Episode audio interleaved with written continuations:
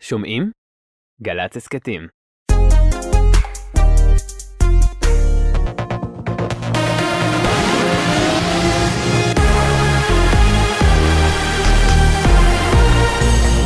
גלי צה"ל השעה אחת, שלום רב באולפן ערן קורץ עם מה שקורה עכשיו. בנמל התעופה בן גוריון נערכים לנחיתת מטוס מסוג הוקר שהמריא מדובאי בעקבות מידע שהתקבל על כך שלאחר ההמראה נמצא צמיג על המסלול. כתבתנו עינב קרנר מעדכנת כי במטוס חמישה בני אדם, ולפני הנחיתה תבוצע בדיקת ראייה על מנת להבין האם ישנה תקלה בגלגלי המטוס. כתב אישום הוגש נגד יהושע דדון, תושב בית שמש הנאשם כי פרץ עם שלושה נוספים לחנות סלולר בירושלים כשהוא לובש על פניו טלית. מכתב האישום עולה כי דדון הבעיר חפץ והשליחו לתוך החנות שנשרפה כליל. כתבתנו בבירה נועה ברנס מציינת כי בעקבות מעצרו פרצו מחאות והפרות סדר של חרדים מפלגים קיצוניים במרכז העיר, שבאחת מהן נפצעה באורח קשה אישה שעברה ברחוב כשפח גדול שנדחף במורד הרחוב פגע בה. גבר בן 37 נפצע באורח בינוני בתקרית אלימה באום אל-פחם. כתבתנו הדס שטייף מוסרת שחובשים ופרמדיקים של מגן דוד אדום טיפלו בפצוע והעבירו אותו לבית החולים העמק כשהוא סובל מפציעה חודרת. הקמת הממשלה על רקע הדיווחים שחבר הכנסת יצחק גולדקנופ מתכוון לוותר על חברותו בקבינט המדיני-ביטחוני בלשכת גולדקנופ מבהירים שאין כוונתו לוותר על התפקיד וכותבים ההסכמים הקואליציוניים מדברים בעד עצמם. מוקדם יותר הבוקר פרסמו רבני הציבור הליטאי מאמר חריף בעיתון יתד נאמן נגד השתתפותו של גולדקנופ החסידי בקבינט ובמפלגת דגל התורה דרשו מנתניהו לפתוח במשא ומתן חדש נוכח המינוי, ידיעה שהעביר כתב התחום הפוליטי שחר גליק. במשטרה מאשרים כי פקד שי טולדנו, שפיקד על כוח המשטרה בנטרול המחבל הלילה בכפר קאסם, הוא בנו של לוחם משמר הגבול, רב סמל בכיר ניסים טולדנו, זיכרונו לברכה, שבדיוק לפני 30 שנה, בחודש דצמבר 1992, נחטף ונרצח על ידי חוליה של ארגון חמאס. כוח המשטרה בפיקודו של פקד שי טולדנו היה הכוח שהותקף על ידי המחבל. שלושה לוחמי מג"ב נפצעו בתקרית. מזג האוויר, טמפרטורות רגילות לעונה עם גשמים מקומיים ברוב אזורי הארץ, קיים חשש משיטפונות בנחלי הדרום והמזרח. לכל מאזיננו חג חנוכה שמח, אלה החדשות.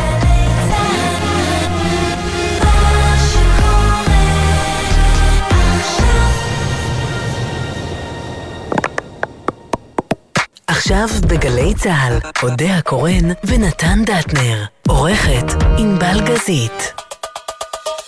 הבית של החיילים, גלי צה"ל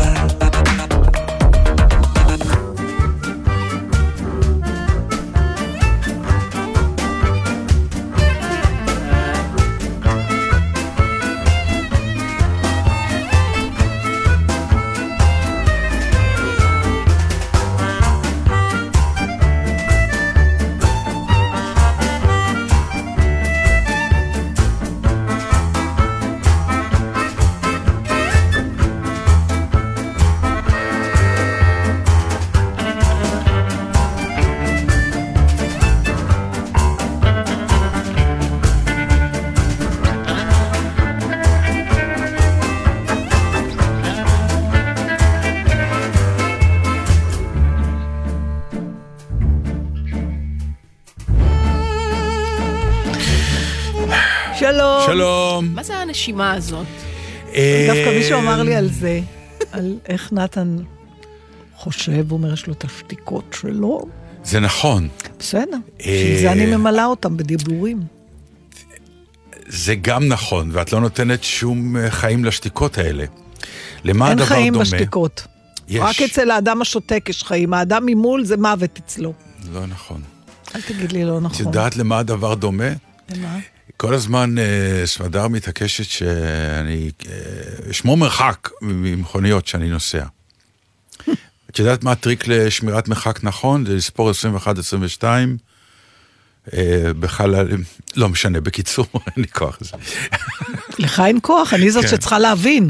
לא, לא, עזבי, צריך לשמור מרחק בין האוטו. בסדר. המרחק צריך להיות אה, מרחק שבטח של עוד אוטו, של כן. עוד מכונית. מה קורה בישראל? צופרים לך. לא, נכנס מישהו שם ברווח, אה. וכל פעם אתה הולך אחורה, במקום ל- לנסוע קדימה, אה, ו... אני אז- רק אציין שהמרחק הוא לא צריך להיות של אוטו, הוא צריך להיות של שתי שניות, וזה תלוי, המרחק הפיזי, לא, אני מתכוון הוא שאוטו- פונקציה של כמה מהר אתה נוסע. כן, אבל אה, בשורה התחתונה, זה מרחק שברגע שאני עושה אותו לפי החוק הזה, של השתי שניות, נוצר רווח שטוב, שאוטו מספיק יכול להיכנס בפנים, ואז הוא כבר לא שומר מרחק, וככה אתה מוצא את עצמך מתעצבן, ואז... ואותו דבר עם השתיקות. למה? אה, את, את, את פוחדת משתיקות. אני לא פוחדת, אני לא מבינה למה צריך אותם. כלומר, בוא נגיד, כשאין ברירה ממש, וזה בסדר, אבל אני לא מתרגשת משתיקות, הם לא... לא, שת, שתיקות, יש, יש להם uh, תפקיד מאוד גדול, בעיקר בהיכרויות וכל מיני כאלה, האם אנחנו נשתוק, כל האנשים עם הפאניקה. אנחנו כבר במקום שאני חושב שאני ואת יכולים לעשות שידור רדיו אחד שלם, mm-hmm. והוא יהיה שידור היסטורי בעיניי, כן. שאנחנו נשתוק אחד מול השני. כל השידור. עוד לא נול- ועדיין הקהל של המאזינים שלנו ידעו על מה אנחנו מדברים במחשבות. באמת, אתה כן. חושב, זה כמו בני בשן, בדיוק. רק אנחנו... שעזב אותנו, לנכר לגויים, הוא חי לו בין הגויים. הייתה לו פינה, נסביר למי שלא מכיר את נכון. התוכנית שנקראה חוש הניחוש. כן. הוא חשב על שיר בלב. והציבור היה צריך לנחש על איזה שיר הוא חשב. אגב, הוא חשב באמת על שיר. כן, והציבור באמת והציבור ניחש, באמת ניחש. הציבור באמת התקשר, כן. לנ... וזה היה מדהים, כי הציבור גם היה מתאכזב שהוא לא ניחש. כאילו, אני זוכרת שתמיד הייתי מקשיבה לזה ברדיו, והייתי אומרת, מי אתם אנשים שבאמת חשבתם שתנחשו? אבל בסוף מישהו ניחש. זאת אומרת, אה, זה- לא, כשאתה שואל הרבה. שאלות וה-15 תוכניות, אז בסוף מישהו מנחש בלי שום קשר לשתיקה. אם אני בני, כן. אני ב- פעם בנגיד אה, שלושת רבעי שעה או בשתי תוכניות, הייתי אומרת נכון, גם אם... בדיוק. כי מה, כמה אתה יכול? אתה זה- צריך להחזיק את העניין בסוף. זה הכי לא בני, שהוא בכנות חשב על שיר נכון. ספציפי, זה בלתי אפשרי לזייף. הוא במובן הזה באמת מתח את הגבול. אתה יודע שתמיד את הגבולות האלה, הם כל כך תמיד מסקרנים אותי. השנייה שמשהו נהיה משהו אחר. זאת אומרת, הש... נגיד, ניקח את הדוגמה של התוכנית הזאת, בסדר? כן. שיש איזה מתח ותקווה של אנשים, הוא אומר, אני אנחש, אני אנחש, ובאמת הם חושבים שהדבר ההזוי הזה, של לנחש על איזה שיר המגיש ברדיו חושב, הוא אפשרי. והם מנסים ומנסים ומנסים, אבל אם אתה מושך את זה יותר מדי זמן, מיד, באיזשהו שלב מגיע הדבר הזה שאומרים, תגיד, מה, אתם חושבים שאנחנו אידיוטים? אולי אתה סתם תמיד תגיד לא, יאללה, לא משחק יותר. נכון. אז, אז ה... פה אתה צריך את הביטחון העצמי של המגיש. עד מתי הוא יכול מדבר. למשוך את הדבר הזה? אנחנו יכולים למשוך, אני חושב, אני יכול למשוך יכולים שעה, לפחות את לא. כמו בני. לא, היא לא יכולה. אני לא, אני באמת היא לא יכולה. יותר... היא באמת לא יכולה. אבל אני גם, מה זה לא יכולה? לא, לא, לא כי זה מום, כאישיות. אני חושבת שמילים הן יותר אה, מעניינות משתיקות, ואני מבינה שיש לשתיקות אז אני המשמעות אתן פה שלהן. פרשנות אה, אבל- ששמעתי מידידי נועם פיינולס על הפינה הזו של בני בשן. והוא כן. אומר שמה שמעניין היה באותו רגע, כמאזין ברדיו כשאתה באוטו, שאתה שר לעצמך את השיר שאתה רוצה ברדיו בזמן הזה. זאת אומרת, החלל מתמלא במשהו שהוא מותאם אישית, זאת בעצם להיות תוכנית שהיא היא ספציפית אלייך, ולא מה שאתם רוצים לתת לכולם. ברגע שאת מדברת זה כבר סופי, זה החתול של שרדינגר. כן. כשפתחת את הקופסה, את יודעת בוודאות אם הוא מת או חי. אבל כל עוד היא סגורה, כלומר כל עוד יש שתיקה, אני יכולה למלא אותה באיזה תוכן שבא לי. סליחה, הייתי פילוסופית לרגע. נכון, אבל אז זה הופך אותנו בעצם, אתה יודע מה זה מעניין? מה? אה, אנחנו בעצם משרתים אה, את המחשבות של המאזינים שלנו. זאת אומרת, אם זה נכון מה שאת אומרת, ומה הם חושבים, על מה נדבר, לא יודעת, הלכתי לאיבוד בתוך המחשבות של עצמי. יאללה, בואו נעבור לכדורגל, שזה הרבה נו, הרבה מה יותר תגיד? משתיקות. נו, מה תגיד? אני אגיד לך מה אני אגיד. שראיתי בסוף. א', אי אפשר היה שלא לראות כזה, הייתה פשוט אה, נו, אבל אתה דרמה. מבין איך ראיתי? לא ראית בפייסבוק. כן, נתקלת, מה, ספרי, מה זה היה? אוי, זה סיפור נפלא. זה, אתה יודע, זה מסוג הסיפורים שאחרי זה אתה אומר, נכון, מה יש לעזוב את הארץ? הנה הסיבה שאנחנו פה. אף אחד לא חושב לעזוב את הארץ. אוי, כולם מדברים על זה. ספרי לא כולם. מדברים על זה, כולם מדברים על זה. ואין לאן לעזוב, האנטישמיות זה בכל נכון, העולם. זה שאין לאן... תירגעו. תקשיב, כן. יש הבדל בין רצון לעזוב והבנה שאין לאן לעזוב. אז אני מדברת עכשיו על, על ההבנה, על, הרצ... על אי הרצון שלי, כלומר, ברור, זה מסוג הדברים. בקיצור, אה, אה, בעלי לא היה בבית, פצ'קה לא היה בבית בכדורגל, ששימח אותי מאוד, הוא נסע לאיזה כמה ימים לטיול, ואמרתי יופי, ואז הילדה, הגיס החמישי, הביאה, שהיא אוהבת כדורגל, אה, הביאה בנים לראות כדורגל. חברים, יחד איתה? ברור. מהמם. ושוב היה לי את ה... הזה בבית. אמרתי לחברתי, בואי נלך לצעדה, שרק מי שמכיר אותי יודע כמה נואשת הייתי לא לראות כדורגל, אם זה הוביל אותי לספורט. אז יצאנו, והעיר הייתה באמת נטושה. היא לא הייתה, היא הייתה נטושה פיזית, לא היו אנשים ברחוב, רק היו צרחות מכל החלונות. ברור. עכשיו אנחנו הולכות והכי מתעלמות. יענו, אותנו זה לא מעניין אותנו, זה, לאט לאט החוסר שקט מתחיל אה, לחלחל. אתה מבין שקורה משהו בעולם, שכל העולם רואה ואתה לא חלק ממנו. שזה, חוץ משתיקות זה הדבר הבא שאני לא אוהבת. להרגיש שקורה משהו ואני בחוץ. אה, עכשיו, גם ראיתי לפי השעה שכנראה שזה דרמה. כי יצאתי ב... מה? בשש וחצי, המשחק היה צריך להיגמר, הוא לא נגמר. בשבע עדיין שמעתי צרחות. המש- המשחק התחיל בחמש. כן. בחמש, אז הבנתי שקורה משהו, אבל עדיין התעלמנו, התעלמנו, הסתכלתי, ראיתי שוויון. ואז נכנסנו לשכונת נווה צדק, גם טעי, כי טעיתי בדרך, לא כי רציתי להגיע לשם. בסוף עשה הליכה יותר ארוכה ממה שרציתי. ואז באחד הבתים, ש- בנווה צדק יש את הבתים של פעם, שהדלת פתוחה ממש לרחוב. כן. אתה יודע, הבתים האלה שאין להם עמודים ויושבים ממש על הכביש. ואין כמעט מדרכה, נכון. ישר דלת לכביש. דלת כמעט לכביש, אתה יודע, כן. יש לך איזה שתי פסיעות. ו, ואז כשחלפנו שמענו מין מצהלות כאלה, יש את ה... "אה", זה שאתה שומע בבת אחת. ואז זהו, כשל כוח סבלנו מהניכור שלנו מול העולם. סבלנו או סבלך? לא, מי העוב- יזם את המפגש שתינו הזה? עצרנו, ואז דווקא מייקל, חברתי הביישנית מפתיע, והמופנמת, כן. דחפה את הראש ואמרה, מה קורה? והם יש- הם אמרו, זה הערכה, זה בואו תיכנסו. מי זה היו האלה? היו שם חמישה חבר'ה, כן. הבית היה של שניים מהם. אז הם נראו חבר'ה צעירים מאוד. צעירים מאוד, אה, אני יודעת מה, צעירים מאוד. סטודנטים כאלה? לא יודעת כמה הם צעירים, גם הבן אדם בן 34 כבר נראה לי צעיר מאוד, אבל לדעתי הם עוד לא בני 30. אה, יאללה, בואו תיכנסו, הם לא ידעו מי אנחנו. כאילו, גם יכולתי להגיד בוודאות שהם לא, הם נגיד לא ידעו מי אני, יכול להיות שהייתי מוכרת להם, אבל זה לא היה אישו בכלל, זה לא כן. בגלל, הנה אוקיי. מישהי מוכרת. והתיישבנו, ותשמע, עדיין לא עניין אותי המשחק. אבל האינטראקציה הזאת עם, עם, עם אנשים אחרים אבל למה, בסוף... למה כן נכנסתם? מה, מה, מה היה ההבדל בין. אה, להישאר עם הבת שלך וכל החבר'ה עם הכדורגל, וכן להיכנס לבית זר? פתאום, באמצע. נכון, אתה, וואי, איזה שאלה טובה, אני צריכה לחשוב עליה. תראה, לא נכנסתי כי המשחק עניין אותי. נכנסתי כי הסיטואציה, אה, אני אשתמש במילה, סליחה, ממאזיננו הדתיים שמבשלים, הסיטואציה חרמנה אותי.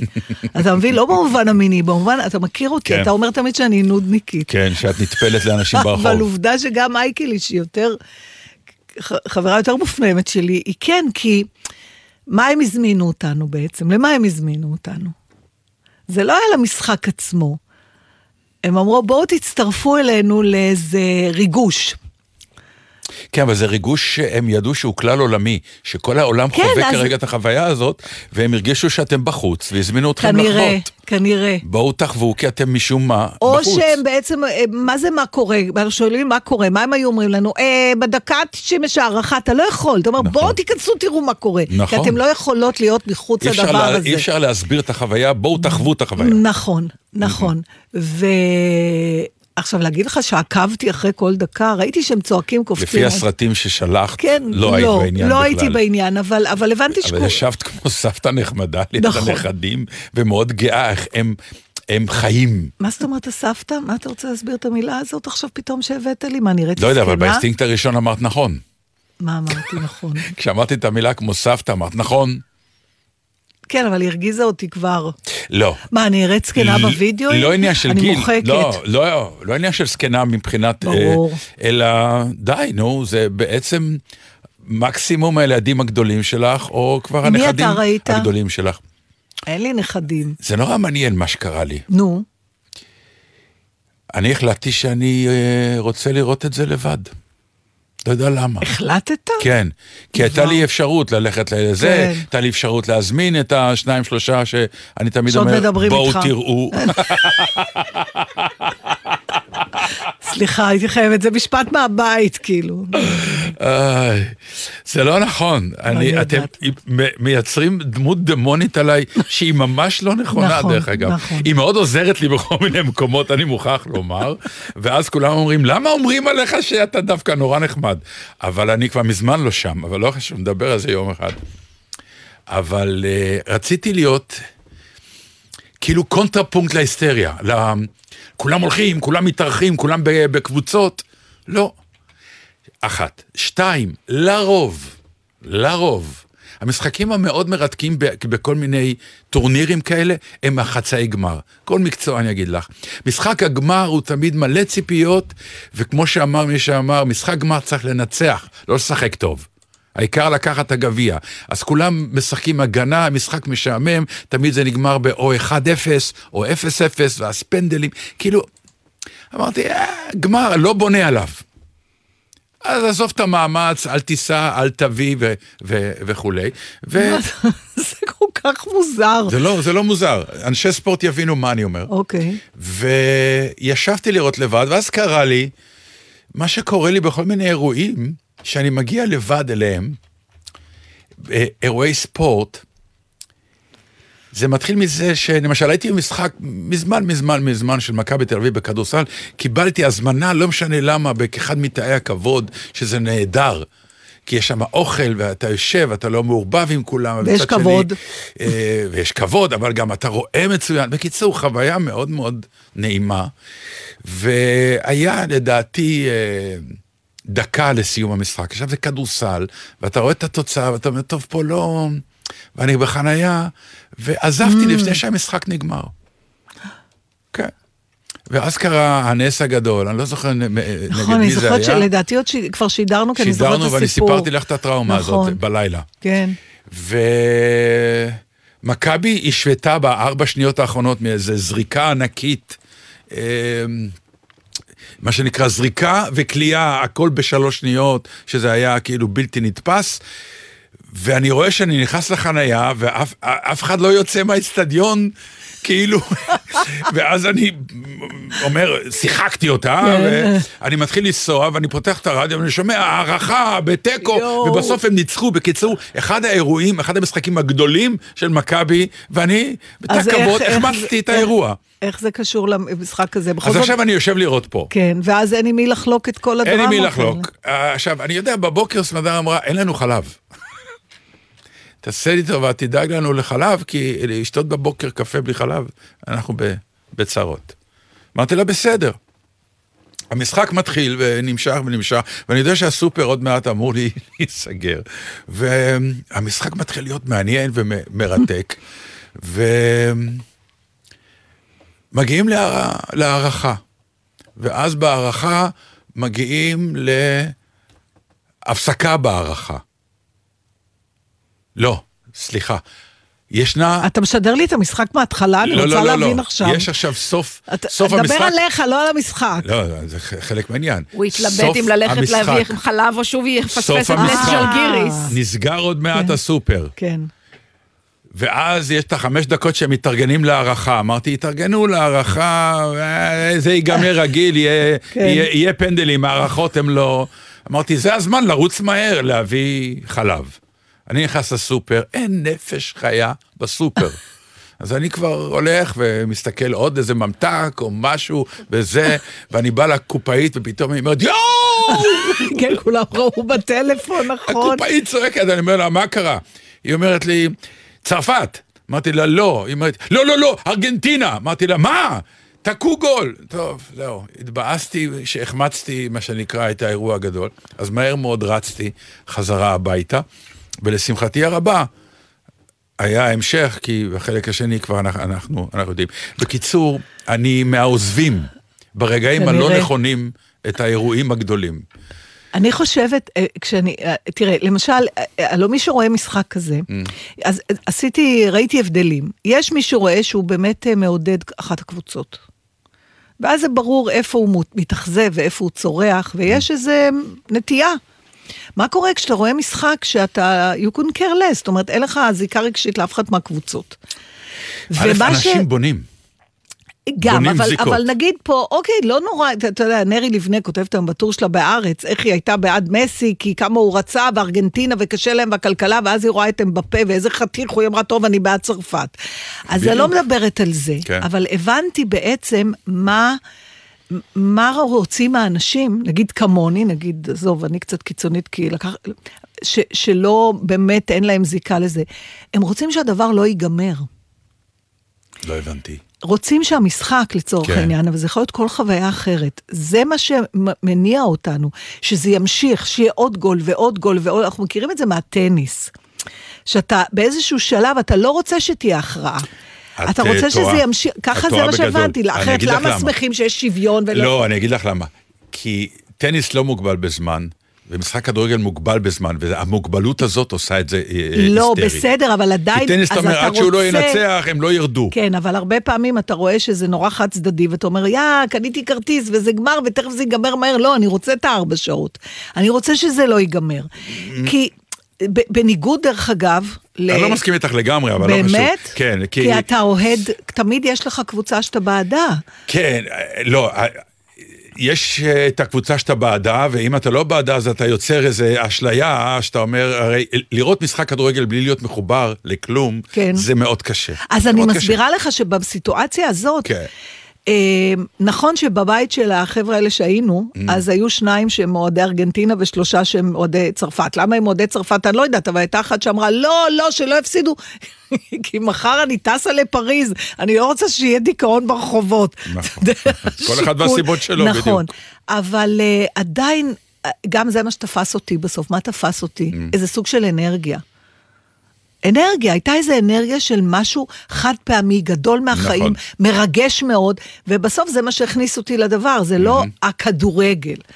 אה, ולכן אני חוזרת ואומרת מה שאני טוענת תמיד, אני חושבת שאנחנו דיברנו על זה הרבה פעמים, בני אדם, זה לא נראה ככה, mm. אבל בסוף נועדנו להיות ביחד. עכשיו, כל אחד לפי יכולת הקיבולת שלו. יש כאלה שמספיק להם שני אנשים ויש כאלה שצריכים שני מיליון. אבל אתה רוצה את הדברים החשובים בחיים שלך או המרגשים לעבור עם עוד אנשים.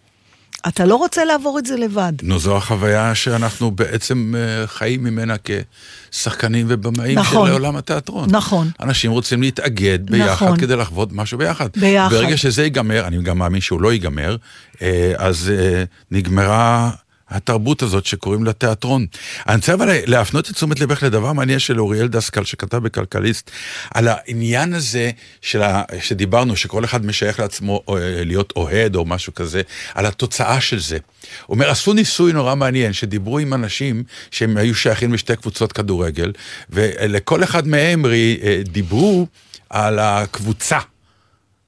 כמה אתה אוהב אותה, כמה אתה לא אוהב אותה, כן אוהב אותה, ואחר כך עשו סוג של ניסוי שהם ראו אוהד מהקבוצה השנייה נופל ברחוב או משהו, אף אחד לא הלך לה- להרים אותו, באמת? מהקבוצה השנייה. אוקיי. כן, בתור הוא אוהד ליברפול, מוסרנים ליברפול, יואו. לא נעזור לו. ואז הוא לקח קבוצה אחרת ולא דיבר איתם על הקבוצה, הוא דיבר איתם על כדורגל, על אהבת המשחק. Mm.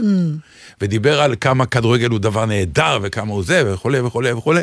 ואז כשהם ראו אוהד מקבוצה אחרת נופל, אנשים ניגשו להרים אותו, כי הוא כי הם אחד... שותפים, בטח, בטח. ל- לעניין. והמונדיאל כל פעם מחדש מגלה לנו גם את הדבר שהיום אני כבר הפסקתי להבין, אני מוכרח לומר. היום קבוצות כדורגל הם... סיינפלד אמר פעם, אתה לא אוהד קבוצה היום, אתה אוהד חולצה. כי יש משהו היום בקבוצות, באמת, אתה אוהד את החצ- את הצבע, אני אוהב אדום. אומר, ברגע שהשחקן עובר לקבוצה אחרת, אתה שונא אותו. זה בדיוק, לא... אותו אחד שאתה אוהב אותו, או שנאת אותו בקבוצה אחרת, הוא בא אליך, כי באמת התעשייה הזאת שבעצם הכדורגל נהיה לא מועדונים של המקום. יש כוכבים. יש, לא רק שיש כוכבים, קודם כל יש מלא כסף, התעשייה מלאה מלאה מלאה בכסף, והיום בעצם כל שנה יש הרכב חדש לקבוצה שלא שייך למגורים של כסף המקום. קלקל כדורגל? מבחינת... או אה, בכלל, כסף גדול מקלקל? כסף גדול דברים. כאילו לא קלקל, הוא כאילו עשה כדורגל ענק, אבל אני מוכרח להבין, אני, אני מוכרח לומר שאני לא מבין את האוהדים. אני מוכרח לומר את זה. עכשיו, זה נורא מעניין, למה בכל זאת, נגיד, הייתה עכשיו איזו קבוצה שהבעלים קנה איזה כוכב גדול לקבוצה. והם פתאום העריצו גם את הקונה וגם את הנקנה, מה שנקרא. ואתה אומר, אנשים רוצים להיות שייכים להצלחה, ולא משנה למה.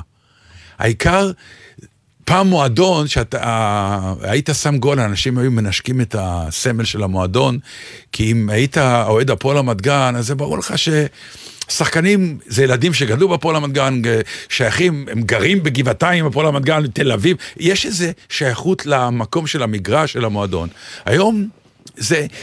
באמת... מסי הוא הדוגמה הכי טובה לזה. מסי לא היה בארגנטינה מי יודע כמה שנים. כן. תודה שהבאת ניצחון באמת. אני לא יודעת, אני ישבתי, אני הסת- ב- ברגעים שכן הסתכלתי, אה, אני חושבת שזו הייתה דוגמה, אה, אה, כנראה שמתחת לפני הקרקע רכשו רוחות אחרים, לפחות כלפי חוץ. זו הייתה דוגמה להבדל בין לאומיות ללאומנות. וראינו איך נראית לאומיות.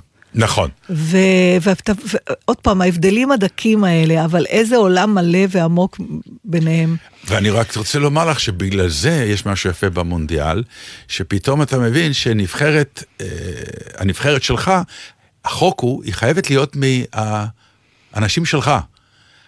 אז עכשיו אתה אוסף את מה שיש. כי בכדורגל המקצועי אתה אוסף את הכי טובים שאתה יכול עם הכסף שיש לך. פה כן. אין עניין של כסף. נכון, אם אבל... מסי הוא ארגנטינאי, הוא ישחק בנבחרת ארגנטינה וזה מה יש. אבל אני וזה מתכוונת. במובן הזה, מה שכבר סיפרתי הרבה פעמים על ההבחנה הנפלאה הזאת של דה גול, בין לאומיות ללאומנות, שבלאומיות אתה אוהב את מה ששלך, ובלאומנות אתה שונא את מה שלא שלך. שיר. When you walk through a storm, hold your head up high and don't be afraid of the dark.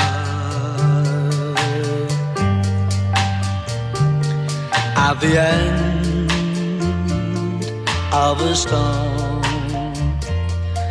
There's a golden sky the sweet silver song of love. Walk on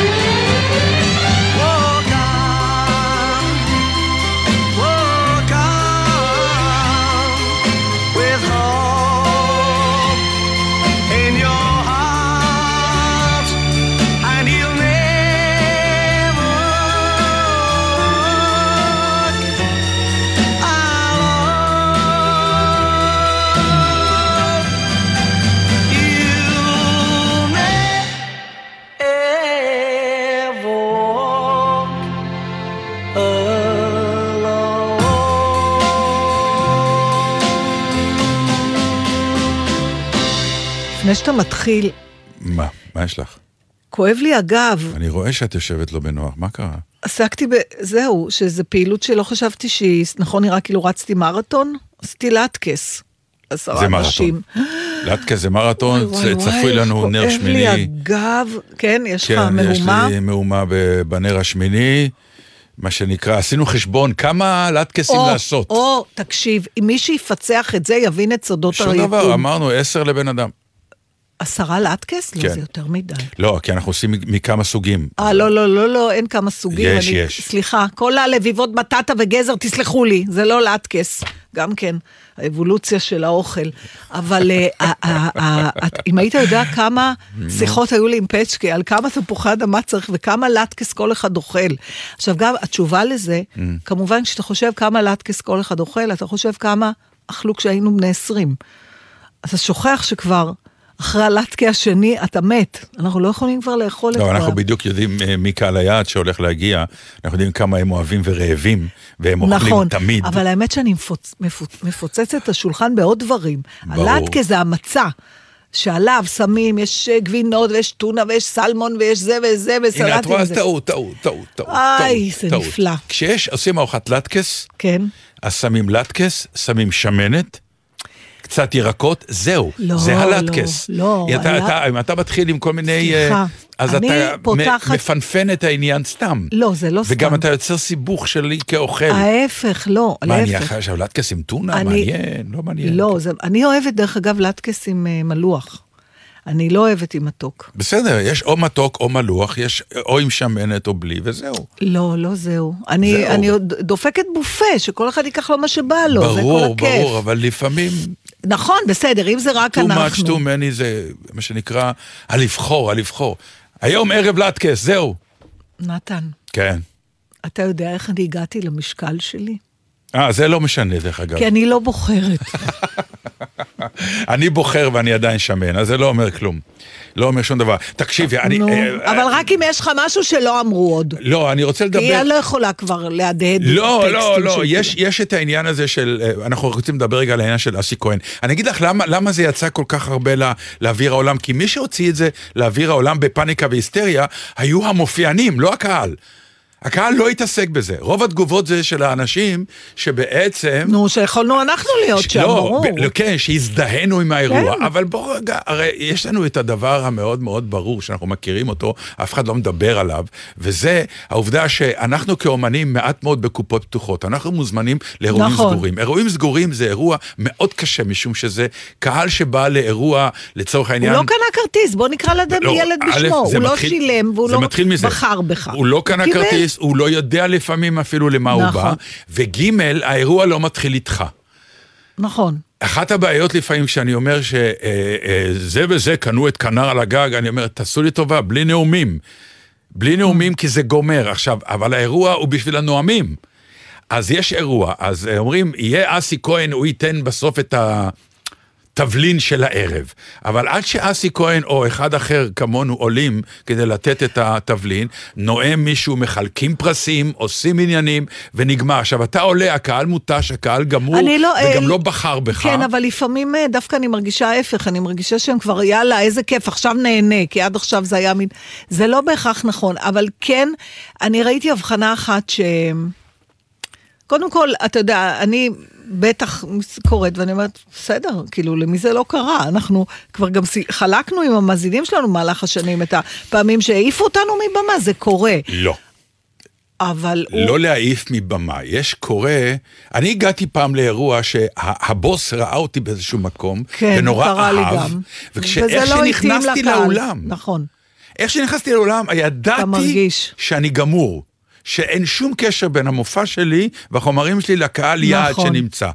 ולא היה לי ברירה, לא הייתה לי ברירה, עליתי על הבמה והתחלתי, ואני רואה שאני לא מתקשר איתם. אז אחרי כמה אה, זה, גמרתי את ההופעה. אתה יודע, אני מעריצה את האופן השלב שאתה מדבר על זה, מפני שאני זוכרת כל הופעה כזאת שלי. אה, לא היו הרבה, אבל אני זוכרת אותן, ואחת מהן במיוחד, כי היא הייתה משפילה, כי באמת לא היה קשר ביני ובין הקהל. סליחה, הקהל גם ישב במין אולם כזה גדול סביב שולחנות, ועניין אותם לדבר אחד עם השני, ו... אבל בחוזה אתה מחויב לשעה או שלושת רבעי שעה, כן. ואני ממשיכה וממשיכה, ואין עם מי לדבר. כן. עכשיו, מופע יחיד, שאתה לא יכול גם להתחבא מאחורי דמות, זה עוד יותר איסורים, כי זה אשכרה אתה, לא רוצים אותך. כן. לא שזה קל בתיאטרון שמפריעים, אבל פה זה עוד יותר גרוע. נכון. והשיא היה שהמארגן זחל כזה, כאילו התכופף מתחת לבמה, שזה תמיד הדבר הכי אידיוטי. אנשים אומרים, אתה לא רוצה להפריע, עכשיו אתה הכי בולט. כן. ואמר לי ברגש, אודלה, תסיימי, אני צריך, צריך להגיש מנה עיקרית. זוכרת את המשפט הזה, כי היה להם אוכל שם.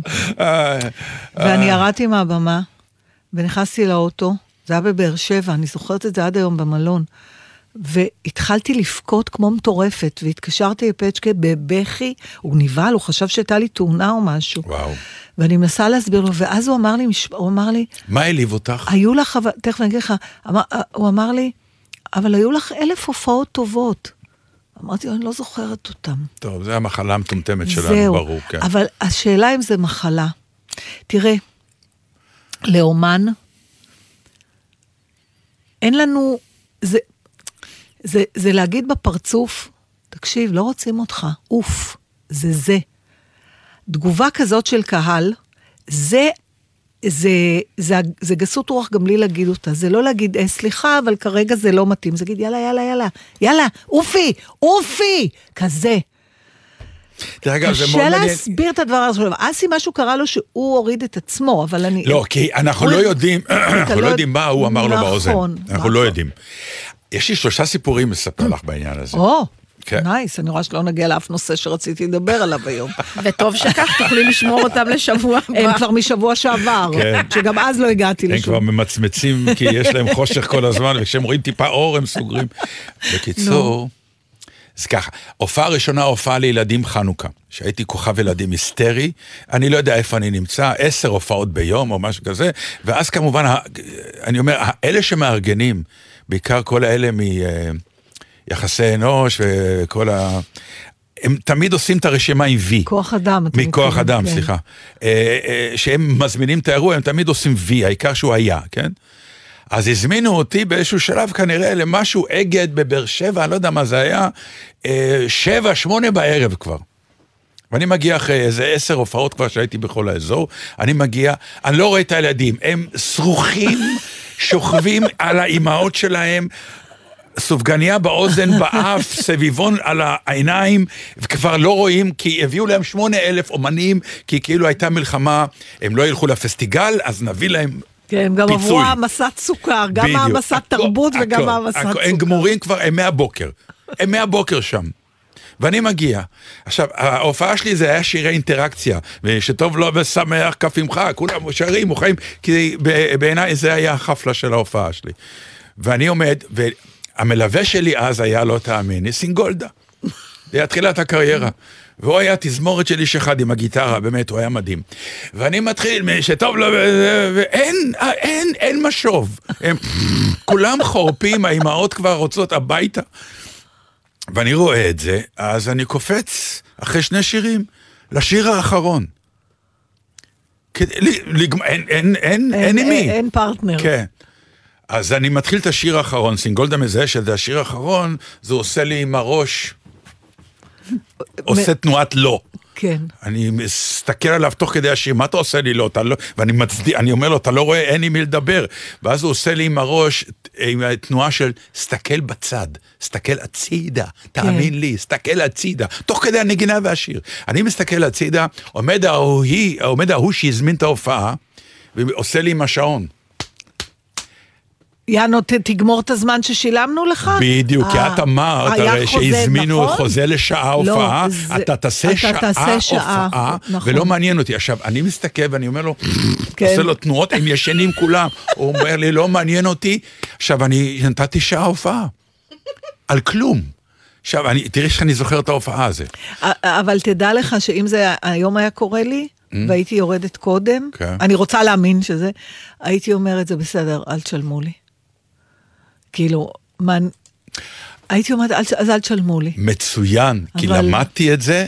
זה אז קשה, בהופעה ההיא כן, למדתי את זה, והיה שלב, באמת היה איזו הופעה שזה, אמרתי, חבר'ה, עזוב, עזוב, אני מוותר על הכסף, על הכל, זה לא מתאים, חבל סתם, והלכתי, ממש. אבל אתה יודע, הייתה הבחנה אחת שמישהו כתב, אני לא יודעת איפה, Mm. בעניין הזה של אסי, שאמרתי, וואלה, זה נורא נכון.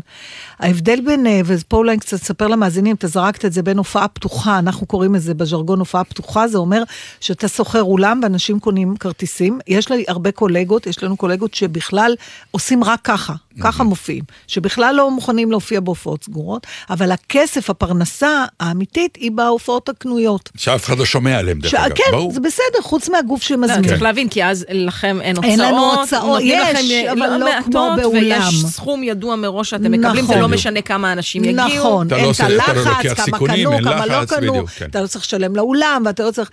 אבל עדיין, עכשיו, אבל מה ההבדל? וזו ההבחנה היפה שראיתי. כשאתה מופיע בהופעה פתוחה, שאנשים קונים כרטיסים, זה אנשים שקונים אה, כרטיסים, זה קהל. כשאתה מופיע בהופעה סגורה, האנשים הם לקוחות. וההבדל הקטן הזה... והם גם הומוגנים, דרך אגב, שזה גם משהו אה, זה יכול להיות לא לטובת טוב. העניין גם, אבל גם אבל אה, למשל העניין. הייתה לי הופעה, היו לי כמה הופעות נהדרות השבוע, שבאמת ההומוגניות דווקא עזרה, אבל אני אומרת, אה, הם לקוחות, וברגע שזה לקוח, הלקוח תמיד צודק, ואתה נותן שירות, וזה בסדר להתייחס אל עצמנו ככה, זה קצת מוריד לנו את האגו, אבל בסוף המקצוע שלנו הוא לא בנוי לזה באמת.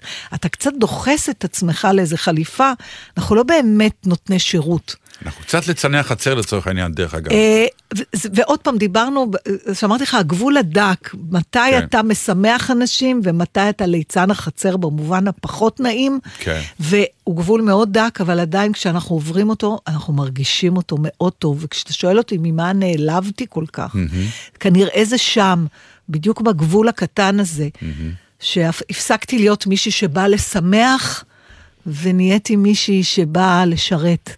לתת איזה סחורה, ולא נראתה להם הסחורה, אז אמרו לי, אז קחי אותה ולכי. וזה לא מתאים למקצוע שלנו, הדבר הזה. אבל אה, יחד עם זה, היו לי גם הרבה הופעות נפלאות שכן קנו אותי טוב, מראש, ברור, אתה יודע, ברור, רובן. זה- רובן אבל, כאלה, זה אה, לא, לא כל יום קורה האירוע הזה. הסיפור השני הוא שבעצם אני יכול לנחם את אסי בזה שתחילת הקריירה שלי התחילה. ככה. שלא מישהו זרק אותי, אלא הקהל זרק אותי. Mm. שזה הכי נורא. הייתי אז חייל צעיר, בוגר להקה צבאית, והיה לי חבר, שלמה גולדברג ג'ינג'י. כן. הוא היה קומיקאי כן. על... עם- עדיין, הוא, יש לו עם פוסטים נורא אוסף- מצחיקים כן, בפייסבוק. עם אוסף, הוא היה כוכב מטורף, עם אה, אוסף בדיחות, בדיחות. אה, פנומנלי, אה, ועם לוק מדהים, חד פעמי. בקיצור, כוכב על. והיו בבית הצנחן, היה...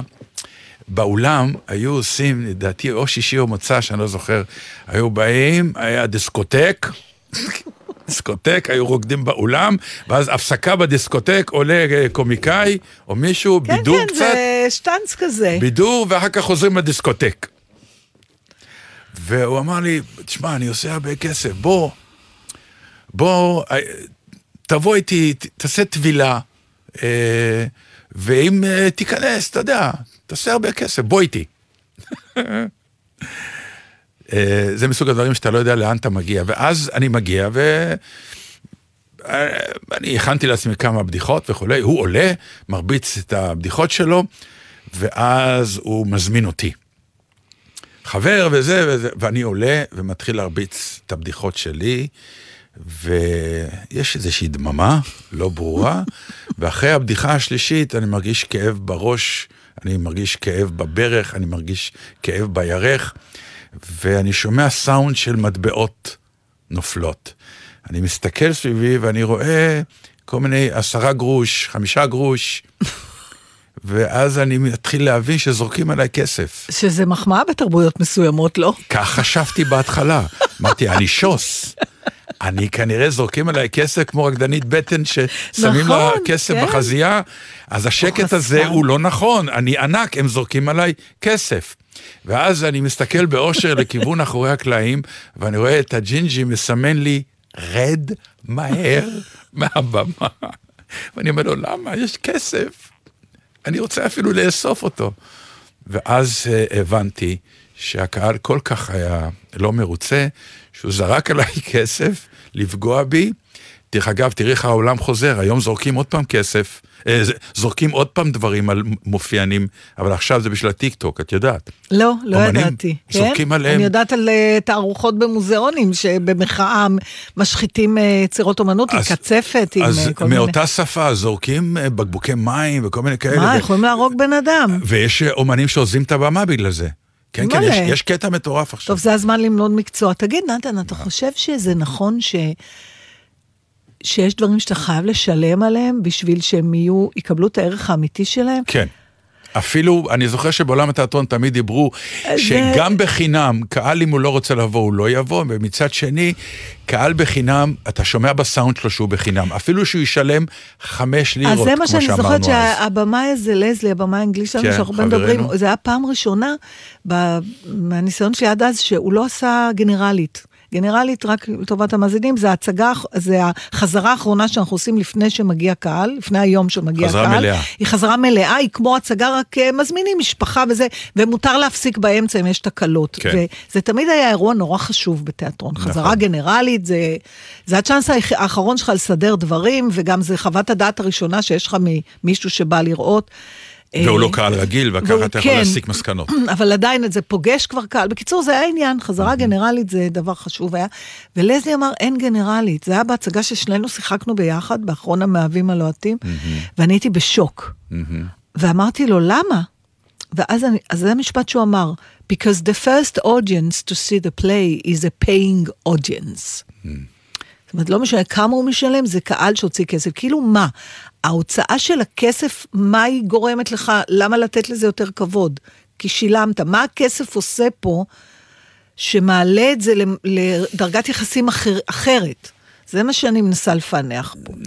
זה באופן עקרוני מאוד ברור, וענבל תגיד לך למה. מחווייתי, זה כ- קצת חבל שזה ככה, בטח בהקשר של אומנות. אז דווקא לא. מחווייתי כצופת אה, תיאטרון אה, אה, באופן עקבי, זאת אומרת, יכול להיות שאני רואה את אותה הצגה גם בחזרות, ואז כן. בהצגה הראשונה, ואז בפרמיירה החגיגית עם העיתונאים. כשאנשים משלמים, הם באים מוכוונים ליהנות, הם בחרו בדבר. אה, הבנתי. ואז אני, אני רוצה לראות את אודיה קורן, בעלילה הזו שבחרתי, ביום הזה כבר שילמתי על בייביסיטר ובאתי מרחוק אולי, אני רוצה ליהנות. אם אני באה בתור עבודה ואני גם צריכה בסוף לכתוב ביקורת בעיתון, אני אולי מחפשת אותך בקטנות שאני אתעלם מהם כששילמתי. שזה הכי מוזר, כי אם תחשבו על זה, זה היה צריך להיות ההפך. כי דבר שלא הוצאת עליו כסף, זה, זה מתנה.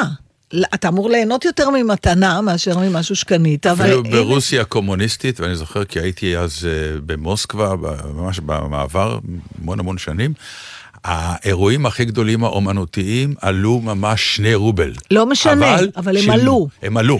לא נתנו להם את זה בחינם, מתנה- למרות שזה היה כאילו משטר קומוניסטי. נכון. שהיה אמור כן, לתת זה- זה בחינם. אני- כשאת אומרת מתנה, אבל, אז זה אומר שהייתי צריכה לקבל את ה top שב top, והאשמה היא על מי שהעניק לי את המתנה. כשאני משלמת, אני בחרתי, לא יכול להיות שעשיתי טעות. טוב, זה נושא למחקר שלם, ו... כן. באיזושהי סיפור שלישי. פקולטה. אה, יש סיפור שלישי, אמרתי, אנחנו לא נצא סיפורים. מפה היום. יהיו שני שירים מזל בתוכנית, שהוא- אנחנו בזמן האחרון, מוזיקה זה לא הצד מזל החזק שהוא שלנו. אומן צעיר, כי כן, אם היינו כן. עכשיו עושים תוכנית עם אומן שהרבה שנים, אז היה היה לו 30 40 סיפורים. כן, לא, אלה אני שלושה. רק רוצה להגיד שלי כן. רק יש סיפור אחד שזרקו אותי. לא, זה לא עניין שזרקו. מכירים את זה? כן, אותי רק פעם אחת אותי זרקו. רק פעם מכל אחת. הקריירה. לא, תמיד אהבו אותי נורא, רצו עוד פעם. אל תקנה. ושילמו מלא, מלא שילמו כדי לראות אותי. לפני שאתה מספר את הסיפור השלישי, כן. אני כן רוצה, דיברת קודם על תובנות. כן. היו הופעות קשות. עכשיו, אני זוכרת הופעה אחת, אפרופו, אה, טבעונים נעלבו ממנו, אני זוכרת שבסטנדאפ הראשון שלי, אה, היה לי קטע שדיברתי על ילדים. והיה משפט שהייתי אומרת לקהל בקול מתוק, למי יש פה ילדים? וכולם היו מצביעים, הייתי אומרת, איזה חרא זה, כאילו עם אותו חיוך. תמיד צחקו וזה, עד שיום אחד לא. עד שיום אחד לא צחקו. ולמה? כי היה קהל יותר שמרני, הבנתי. קהל יותר, לך תבין למה, מה לא עשה? אומרים דברים מה כאלה. זה עשה לך? אני, בגלל שהייתי אומנית אה, צעירה בסטנדאפ, עשיתי את הטעות שלימים למדתי לא לעשות, ונלחמתי איתם. Mm, נלחמתי איתם. הרגשתי שמשהו לא בסדר, הם כעסו, הם צעקו, איך את מדברת, איך את מדברת. במקום להגיד, לא, לא, לא, דיברתי על הילדים שלי, לא, שלכם מדהימים, ולעזוב את הנושא הזה. נכנסתי לפייט איתם, שזה רק הלך ונהיה יותר גרוע. וזה דבר שצריך ללמוד. אי אפשר לריב עם קהל, כי הקהל תמיד ינצח. זה בדיוק הסיפור שלי. לא אוי, יאומן. סליחה, אז לא, בבקשה. לא אלוהים יאומן. אדירים. לא, זה לא. יאומן, זה בדיוק זה. אימא'לה. מזמינים אותי להופעה, ואני יודע שהקהל שלי הוא קהל אה, מסורתי דתי. ואני בא למרגנית שהזמינה אותי, אני נמצא מאחורי הקלעים, ואני אומר לה, אני רואה את הקהל שלי, היא אומרת לי, "אה, הוא פתוח! זה קהל פתוח, היו פה מלא אומנים, מה שאתה רוצה תעשה, הם נפלאים, הם נפלאים. אמרתי, כן, אבל הם חובשי כיפות, הם חובשי כיפות, אבל דטנר הם באמת... ליברלים. ליברלים מאוד. כן. אמרתי, טוב, ליברלים ליברלים. אני מתחיל את ההופעה, הם באמת נורא ליברלים. אין לך גם לא, גסויות יש לי, בה. לא, יש לי שיר שנקרא, אה, של. יוסי בנאי, שאני שר בלי גסויות ומספר בין בית לבית בדיחות גסות, כי יש לי לגיטימציה בגלל השיר. ואז אה, אני מתחיל, אה, בלי גסויות, אה, קשה לחיות, זה, ואני מספר איזה בדיחה גסה אחת. ואני רואה פתאום, בשורה ראשונה יושב איש מכובד, ועושה לי ככה מתחת, ב- יודעת, בין הברכיים שלו, עם האצבע את התנועה לא. מה שנקרא, לא. אל תלך לשם. לא, אם אפשר להפסיק את ה number, אני מאוד אשמח. עכשיו, אני רואה את זה, ואני מבין שאני בצרות, ההיא הטעתה אותי, הם לא ליברלים, ובצדק, מבחינתם. ואני מפסיק, ואני אומר, קהל יקר, אני רוצה לספר לכם משהו. אני לא יודע מי יושב פה, אמרו לנו, זה הרב שלנו! אמרתי, אה, אוקיי, הבנתי. אז הרב שלכם מאוד שומר עליכם, שתדעו. כי עכשיו ששרתי את השיר הזה, כי אמרו לי שאתם נורא פתוחים, אה, פתחת את לעצ- זה ממש? פתחתי את זה. וואו. עכשיו, מה זה פתחתי? אמרתי, הוא יושב פה ועשיתי איזה נאמבר, הקהל כן. השתטח על הרצפה. כי אמרתי, איך הוא עושה לי לא, הוא יושב ישר, לא עושה שום הבעה, רק למטה האצבע. הוא גם צחק? מה? וכולם התחילו לצחוק. ומאותו רגע, אמרתי, הקטע הבא, שנייה, אה, כבוד הרב, זה קטע שמדבר על זה, אני יכול? בקיצור, במקום להילחם בהם, כן. כל נאמבר ביקשתי ממנו אישור לעשות אותו, מכל כיוון. עכשיו, הקהל נטרף מזה. איפה הפאנץ' המטורף? היה שם מישהו ממקום אחר, לא רוצה להגיד את השם כדי לא להעליב, שראה את ההופעה הזאת, והזמין. אמר, זה נהדר. אני בא עם ההופעה שלי אליו, ואני רואה בסוף ההופעה פניו מקורקמות. אני אומר לו, מה קרה? הוא אומר, זה לא אותה הופעה. אמרתי לו, מה זה החומר שנתתי? לא, אבל איפה השאלות? אם זה מתאים, לא מתאים. אמרתי לו, כן. תגידי, אתה מטורף? שם, למה לא בא, הבאת את הרב? תראה איך הוא כבר היה משלם לאותו כן. רב שיבוא רב, איתך. תעשה לי טוב. אני הייתי צריך להביא את הרב נכון. ולנסוע איתו לכל אתה- ההופעות נכון, מאותו רגע. נכון. אבל זה מה שנקרא באמת לא להילחם, וואי, אבל והוצאתי זה לוקח הרבה זמן. לימונדה מהלימון. נכון, אבל לוקח הרבה זמן להבין את זה. כן. אה, תקשיבו, אני פתאום מבינה שכל מה שאנחנו מדברים עכשיו, נכון בכלל ליחסים. אתה יודע? נכון. לאט לאט אני אומרת, ואם יש לי עוד דקה להגיד משהו, למרות יש שזה- לך עוד שתיים וחצי עד שהתוכנית נגמרת. אז יש לי. שאלה אליך. כן. חשבתי על זה אתמול ככה ביני לביני. למה אנשים לא נחמדים אחד לשני? עכשיו, רגע, אל תקפוץ, לא ואל קופץ. תאשים אותי לא בנאיביות קפצתי. כמו תמיד. כן. עזוב רגע את, ה, את, ה, את, ה, את המידה הטובה שנקראת להיות נחמד לאנשים להיות. בוא נלך על הקטע האגואיסטי האקוצנטרי. תכלס, הרבה יותר יעיל להיות נחמד. הרבה יותר יעיל, הדברים נפתרים יותר מהר, שני הצדדים יוצאים מרוצים, ולא מבזבזים זמן. עכשיו, יחד עם זה, אני לא מפסיקה לראות איך באופן שיטתי כולם, רוב האנשים בוחרים לריב בתור ברירת מחדל. עכשיו, אם מדברים על האלימות בכבישים, מה יוצא, הלו, מתי זה מתחיל?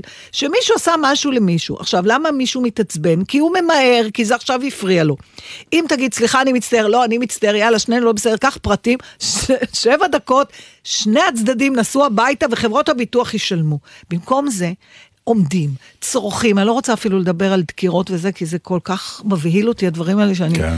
אבל הזמן שאתה מבזבז בלהתקוטט, בלריב, בלכעוס, בלזה, הוא- זה לא הגיוני, ו- ונורא מוזר הדבר הזה. כי אנשים אוהבים להיות צודקים.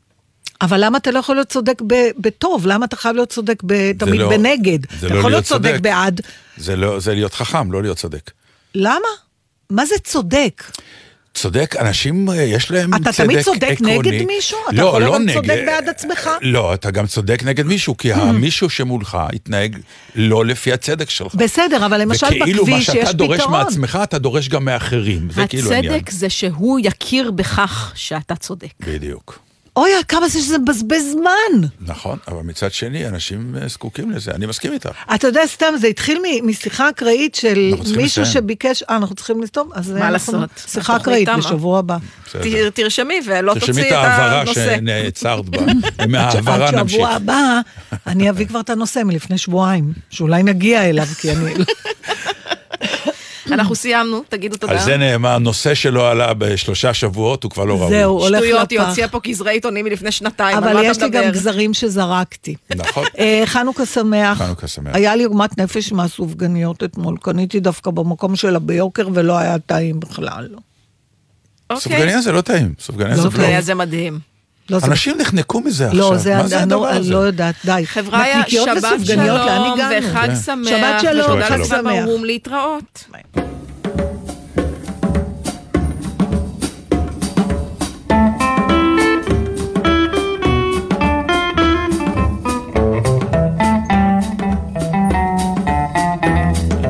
עוד מימי העריסה שנאתי כל מילה גסה ולא הוצאתי כלל מפי גם מילה כמו פיפי אך היום כדי להתבסס אני מוכרח להתגסס כי בלי לכלוך ובלי חוצפה אין שום קופה.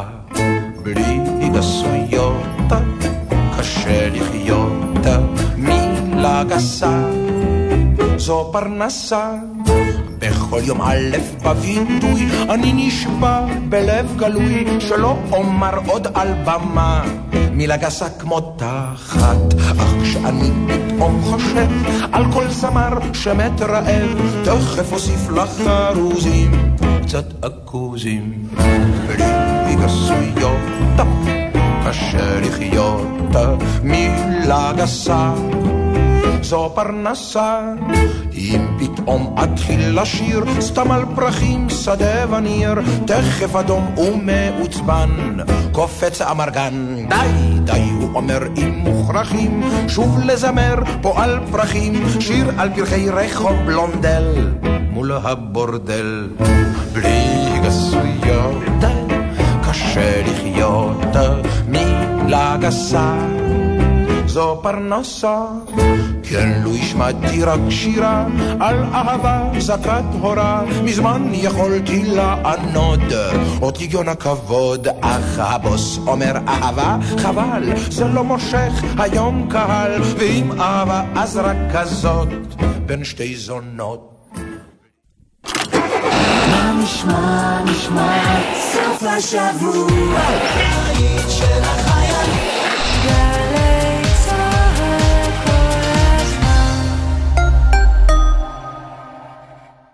הורים יקרים שלום, מדבר יוסי בן שמחון, ראש ענף הבטיחות בדרכים בצה"ל. במשך כל השבוע אנחנו מתאמצים לשמור על הבנים והבנות שלכם, כי בטיחותם חשובה לנו. סוף השבוע בפתח והם בדרכם הביתה. הם יצאו לבלות, להתאוורר, לנקות את הראש, ואנו מבקשים מכם לעזור להם לעבור את זה בבטחה כדי שיוכלו ליהנות גם בשבוע הבא. השנה, חג האורים הוא גם חג ההורים. במפגשי חנוכה המשפחתיים שומרים על המבוגרים וגם על עצמנו. אתם בני 65 ומעלה, או שייכים לאוכלוסיות בסיכון? טרם התחסנתם? גשו עוד היום לקבל חיסון מותאם לאומיקרון. חשים בתסמינים? היבדקו בהקדם בדיקה לאימות קורונה, כדי שתוכלו לקבל טיפול תרופתי מציל חיים. כדי להפחית הידבקות של היקרים לנו, מומלץ להקפיד לעטות מסכה במקומות סגורים וצפופים. בחנוכה הזה, כולנו מקבלים עלינו אחריות. חג שמח, משרד הבריאות. להיות דיפלומטית בשירות החוץ זה מקצוע שהוא הכל חוץ משגרתי, עם השפעה ומשמעות. מסקרן? אם את ואתה מחפשים קריירה מרתקת, הגישו מועמדות למסלולי ההתמחות בדיפלומטיה במשרד החוץ. כך תוכלו להשפיע על החוסן הלאומי של מדינת ישראל ויחסי החוץ שלה. חפשו ברשת התמחות דיפלומטית במשרד החוץ, קורסי צוערים. זה קורה עכשיו במוזה, מוזיאון ארץ ישראל תל אביב, עדות מקומית, התערוכה לצילום עיתונות עולמי וישראלי, עדות מקומית, במוזה, מוזיאון ארץ ישראל תל אביב. שישי בשש, סוף סוף קצת שקט. אפשר לשמוע ציוץ של ציפור, רשרוש של עיתון, נחירות של שנץ, אבל כדאי לשמוע את שש בשישי. אנשי תרבות, חברה וספורט באים לאולפן גלי צה"ל עם שש תובנות, גילויים חדשים או סיפורים אישיים מהשבוע החולף. והפעם דני רובס, שש בשישי, הערב בשש, גלי צה"ל. כל שבת ב-10 בבוקר, יורם סוויסה לוקח אתכם למסע מוזיקלי. והשבוע, מסע לחנוכה, עם כוכבי הילדים, משפחת ספיר, פרלה ומני ממטרה. אנשים ככה לעגו ואמרו מה זה הדבר הזה? זה משהו שאני רגיל אליו גם עוד מהכיתה, מהבית ספר, ולאט לאט מבינים שהצחוק הזה הוא בעצם היתרון שלך, וזה דרך ההתמודדות שלך. מסע עם יורם סוויסה, מחר 10 בבוקר, ובכל זמן שתרצו, באתר וביישומון גלי צה"ל. מיד אחרי החדשות, אהוד בנאי.